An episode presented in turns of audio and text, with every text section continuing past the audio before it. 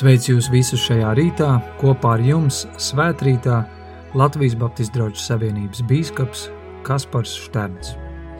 Ieklausīsimies svētajos rakstos no Jāņa evaņģēlī 20. nodaļas, no 1. panta līdz 10. un tad no 19. līdz 21. Un šeit mēs varam lasīt šos vārdus. Pirmajā nedēļas dienā, rītā agrumā, kad vēl bija tumsa, Marija Magdalēna nāca pie kapa un redzēja akmeni no kapa noveltu. Viņa skriešus devās pie sīmiņa Pētera un pie otra mācekļa, ko Jēzus mīlēja, un tiem sacīja: Viņi ir paņēmuši no kapa kungu, un mēs nezinām, kur tie viņu likuši. Tad Pēters, tas otrs māceklis, devās uz kapu. Abi skrēja kopā, bet otrais māceklis aizskrēja ātrāk par Pēteri un pie kapa nonāca pirmais. Viņš pieliecās un ieraudzīja līnu autu noliktu, bet pats iekšā negāja. Tad, sekodams viņam, atnāca arī Sīmanis Pēteris, un iegājis kapā viņš ieraudzīja nolikto linu autu, bet sviedrautu, ar ko bija apklāta Jēzus galva, noliktu nevis kopā ar linu autu, bet atsevišķu satītu citā vietā. Tad kapā iegāja arī otrs māceklis, kurš tur bija nonācis pirmais, un viņš redzēja un ticēja. Tie gan vēl nesaprata, ka pēc rakstiem viņiem būs augšām celties no mirušiem. Tad mācekļi atkal aizgāja uz savām mājām. Šīs nedēļas pirmās dienas vakarā, kad mācekļi baidīdamies no jūdiem bija sapulcējušies aiz aizslēgtām durvīm, atnāca Jēzus un nostājās viņa vidū, sacīja: Miers ar jums! To sacīs viņš rādīja tiem savas rokas un sānus. Mācekļi ieraudzīja kungu un kļuva līksmi. Jēzus atkal viņam sacīja: Miers ar jums! Kā tēvs mani sūtījis, tā arī es jūs sūtu.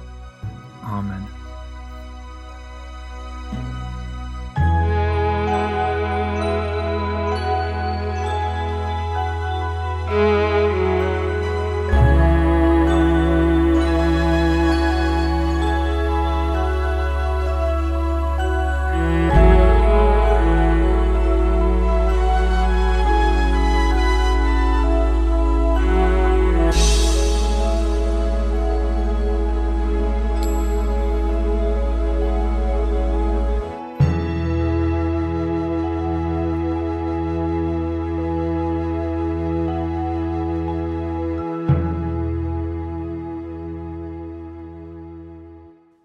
Miers ar jums!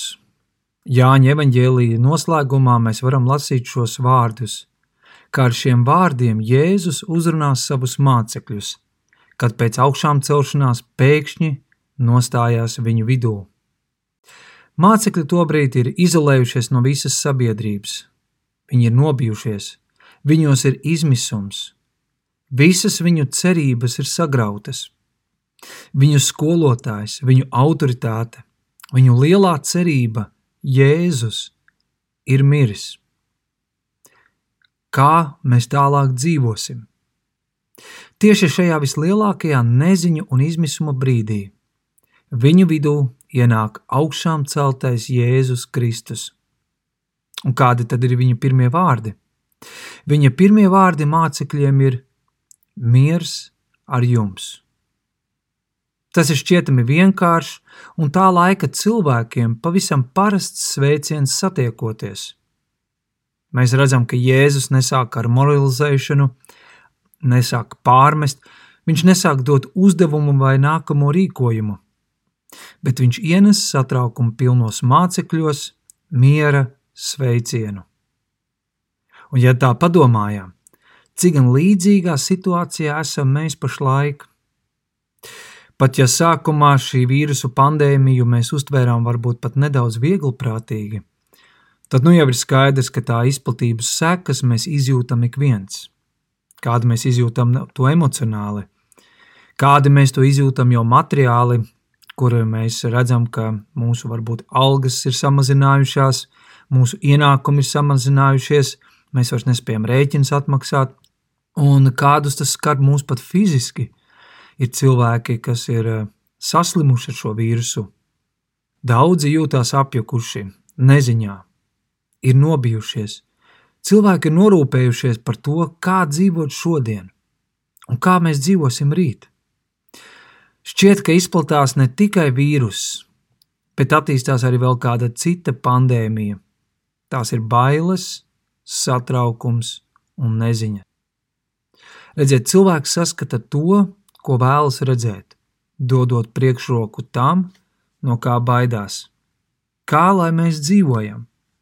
Svarīgs jautājums ir ne tikai, kā mums dzīvot šādā laikā, bet tikpat svarīgs jautājums ir, kādi mēs būsim pēc tam, kad šis laiks būs beidzies. Vai kaut kas mūsos būs mainījies? Kas no mums būs palicis pāri? Ja no viena vīrusa būsim atbrīvojušies, vai mūs nebūs pārņēmis kāds cits vīrus, kas visu var padarīt vēl ļaunāku? Jēzus saka mācekļiem šos vārdus: Miers ar jums! Es domāju, ka vairāk par jebko mēs šodien tiešām meklējam patiesu īstu mieru. Taču ļoti viegli mēs varam iekrist tādos viltus mierinājumos, kas labākajā gadījumā mums dod tādu īslaicīgu mieru. Jo redziet, miers jau nenozīmē arī vienaldzību, bet tas ir stāvoklis, kas ļauj mums saprātīgi rīkoties. Jo mēs zinām, ka negatīvas domas nekad nenovedīs pie pozitīvas rīcības. Droši vien esat jau dzirdējuši šos vārdus: nu, būsim mierīgi, savaldīsimies, nekritīsim panikā. Protams, ka pateikt šos vārdus ir ļoti viegli, bet cik grūti ir šos vārdus pieņemt un cik grūti ar šiem vārdiem ir sadzīvot. Jo tas tik ļoti ir saistīts ar mūsu sajūtām, ar mūsu emocijām. Un būsim godīgi, sajūtas ir viena no tām mūsu daļām, ko izmainīt ir ļoti sarežģīti. Ar vārdiem vien ir par maz. Taču ir kaut kas, ko mēs varam izmainīt. Ir kaut kas, ko mēs varam ietekmēt. Tā ir mūsu domāšana. Tas, uz ko mēs vēršam savas domas, tas, kāda ir mūsu pārliecība, un tas ir cieši saistīts ar mūsu izvēli. Jo redziet, mēs nevaram kontrolēt to, kas ar mums notiek, bet mēs varam kontrolēt to, kā mēs uz to reaģējam. Jēzus ir teicis šos vārdus: Savu mieru es jums dodu, nekā pasaule jums dod. Kas ir interesanti, tad arī šie vārdi ir Jāņa evanģēlijā 14. nodaļā, Tie ir vārdi, ko kādi pat mēdz teikt, kā atvadu vārdi, ko viņš dod saviem mācekļiem, kā tāds testaments, jeb mantojums, ko viņš vēlas atstāt saviem mācekļiem. Un kas tas ir? Tā nav nauda, tā nav veselība, tās nav ar mājas, dzīves vieta, bet tas ir kaut kas ļoti eksistenciāli svarīgs priekš katra cilvēka. Tas ir miers. Miers, kas ir lielāks par mūsu saprāšanu. Miers, ko mēs ar prātu nespējam aptvert un izskaidrot, un tas ir miers, kas mājo mūsu sirdī un domās. Jēzus miers ienāk līdzi ar viņa klātbūtni. Viņš nevis dod savu mieru, bet viņš pats ir miera avots. Tā vietā, lai mēs meklētu mierinājumu, mēs esam aicināti vērsties pie tā, kas ne tikai mieru dod, bet kurš pats ir miers.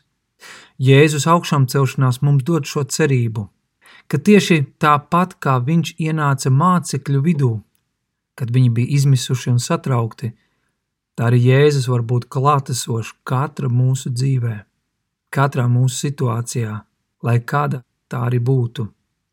Un tādēļ pat visgrūtākajos apstākļos mēs tā vietā, lai vienkārši būtu bailēs un izmisumā, mēs varam saņemt iedrošinājumu, mieru un paļāvību, ka pat pēc šīs garās ziemas, kurā mēs šobrīd atrodamies, emocionāli, mēs zinām, ka būs pavasaris. Agrāk vai vēlāk būs pavasaris. Jo mēs neesam pasargāti no nepatīkamiem un sliktiem apstākļiem, bet mēs varam izmainīt mūsu attieksmi pret tiem, kā mēs dzīvojam un uz kādu pamatu mēs balstam savu dzīvi. Tad, kad viss, kas mums ir bijis drošs un stabils, sāk sabrukt. Kas ir mūsu drošība? Kas tad ir mūsu vērtības, kas pat vislielākajās vētrās var būt stabils un nemainīgs. Jēzus arī mums ikvienam saka šos vārdus: Miers ar jums, jo es pats esmu miers. Taču tad tālāk mēs redzam, ka Jēzus saka, kā tēvs mani sūtījis, tā es sūtu jūs. Satraukums un bailes var būt ļoti paralizējošas.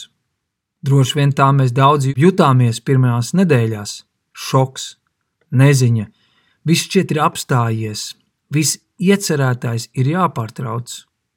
Mēs domājam tikai par sevi un par to, kā mēs paši izdzīvosim, kā mēs paši tiksim galā ar sevi. Ļoti viegli tas var mūs izolēt no citiem, jo ieslēdzās mūsos aizsardzības un izdzīvošanas tāds režīms, vai vēl ļaunāk. Bailēs mēs pat varam kļūt agresīvi, agresīvi savos vārdos, kur mēs sākam izgāzt visas negācijas tajos pašos sociālajos tīklos, kur mēs varam sākt attīstīt dažādas konspirācijas un baumas, vai vēl ļaunāk, mūsu agresija var izpausties arī fiziski, vardarbībā, par ko arī tiek runāts šobrīd sabiedrībā, ka viens no šīs izolācijas eh, riskiem ir, var parādīties vardarbība, piemēram, ģimenē. Taču, ja mēs spējam satvert un piedzīvot mieru pat vissarežģītākos apstākļos, mēs varam kļūt par tiem, kas nevis to, kas man apkārt graujam, bet drīzāk ceļam, stiprinam un iedrošinam. Viņa klātbūtne ir ne tikai mierinājums, viņa mierinājums nes līdzi arī ļoti svarīgu uzdevumu. Līdzīgi kā Jēzus aicināja savus pirmos mācekļus, tā arī mēs esam aicināti nest mieru. Lai šis miers vispirms parādās mūsu ģimenē pret vīru, pret sievu, pret bērniem, lai šis miers tiešām arī parādās mūsu komunikācijā, un kur jau es minēju, nevis mēs izgāžam negācijas, visādas šaubas sējam cilvēkos, bet mēs nesam mieru, iedrošinājumu. Mēs esam aicināti apturēt baumu, baiļu un satraukumu pandēmiju, jo tā var kļūt vēl ļaunāka nekā tā, ko izraisa šis vīrus. 4. gadsimtā Romas impērijā, viena no lielākajām pilsētām Cezarejā, tika skārta viens ļoti liels mēris. Daudzi cilvēki lai izvairītos no šīs nelaimes, pameta šo pilsētu, kas bija tajā laikā viena no lielākajām pilsētām Romas impērijā. Cilvēki pameta to un dzīvoja laukos. Taču bija viena grupa cilvēku, kas nevis bēga, bet palika pilsētā, un tie bija kristieši. Kā bīskaps un vēsturnieks Eusēbijs apraksta, tad kristieši rūpējās par tiem cilvēkiem, kas bija palikuši pilsētā Tie bija slimi cilvēki, novārguši, tuvu nāvei, pat vai arī cilvēki, kas jau bija miruši. Un ko šie kristieši darīja? Viņi apkop šos cilvēkus, viņi pat izvadīja šos cilvēkus, apglabāja pienācīgi.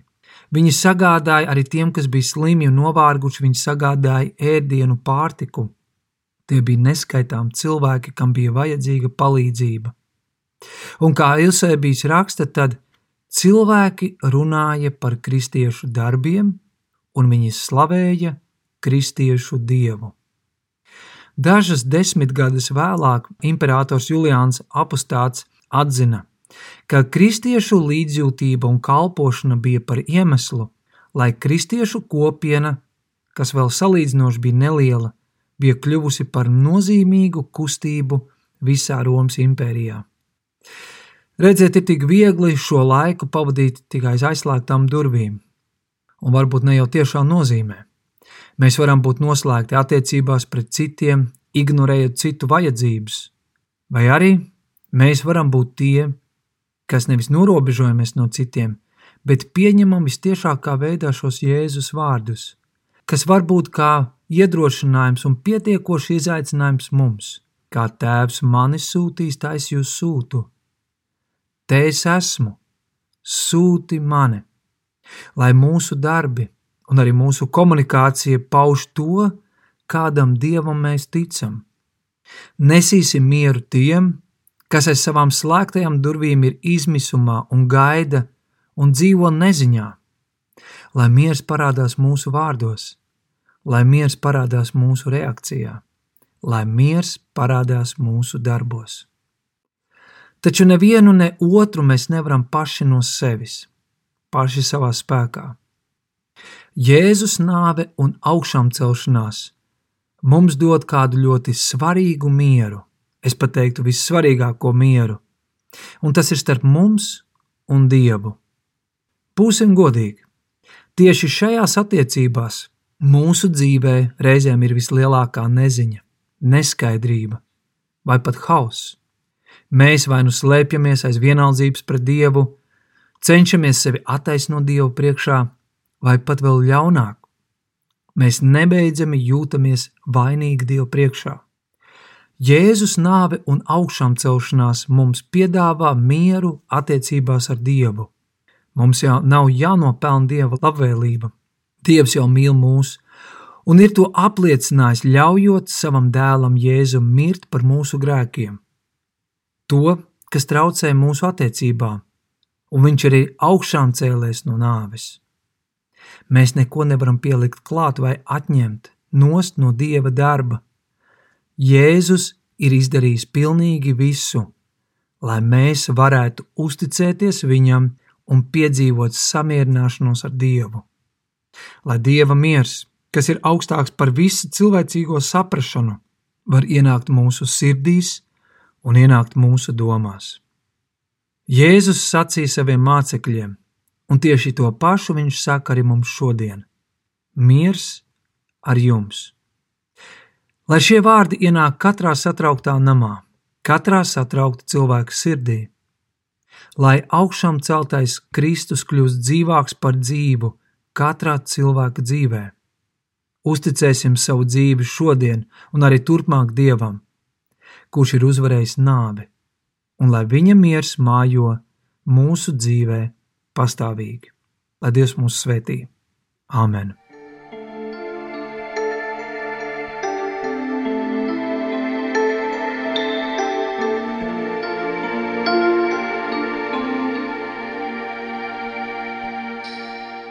Lūksim Dievu! Mēs, Dievs, pateicamies par to, ka Tu esi sūtījis savu dēlu Jēzu Kristu šajā pasaulē, kurš ne tikai ir miris par mūsu grēkiem, bet kurš ir arī augšām cēlies, lai šodien mums dotu dzīvību, lai šodien mums dotu cerību, un īpaši šajos apstākļos, lai mums dotu savu mieru. Paldies, Kristu, ka Tu esi klātesošs visos dzīves apstākļos, arī šobrīd, tajās sajūtās un tajā situācijā, kurā mēs katrs esam. Es lūdzu Jēzu, ka Tu vari klauvēt pie mūsu dzīvēm šobrīd, pie katra cilvēka sirdīm, ka Tu vari ienākt mūsu dzīvē un sniegt savu mierinājumu. Un tāpat arī mēs lūdzam, ka mēs varam būt šajā laikā kā miera nesēji, nevis kas nesam baumas, izmisumu, satraukumu, bet kas nesam mieru savās mājās, mieru, savā apkārtējā vidē, kurā mēs šobrīd esam. Dievs palīdz mums, ka mēs spētu saredzēt vajadzības un iespējas, kā mēs varam kalpot un kā mēs ar mūsu vārdiem un mūsu darbiem varam būt par svētību citiem. Mēs lūdzam, lai šis augšām celšanās laiks, neskatoties uz visiem izaicinājumiem, un sarežģījumiem un neziņu, lai tas ir arī laiks, kad mēs varam pateikties un priecāties. Priecāties par to, ka ir dzīvība ir uzvarējusi nāvi, un šī dzīvība vēlas ienākt katra mūsu dzīvē. To mēs lūdzam Jēzus Kristus vārdā. Āmen! Svētrītā kopā ar jums bija Latvijas Baptistu draugu savienības bīskaps Kaspars Šterns.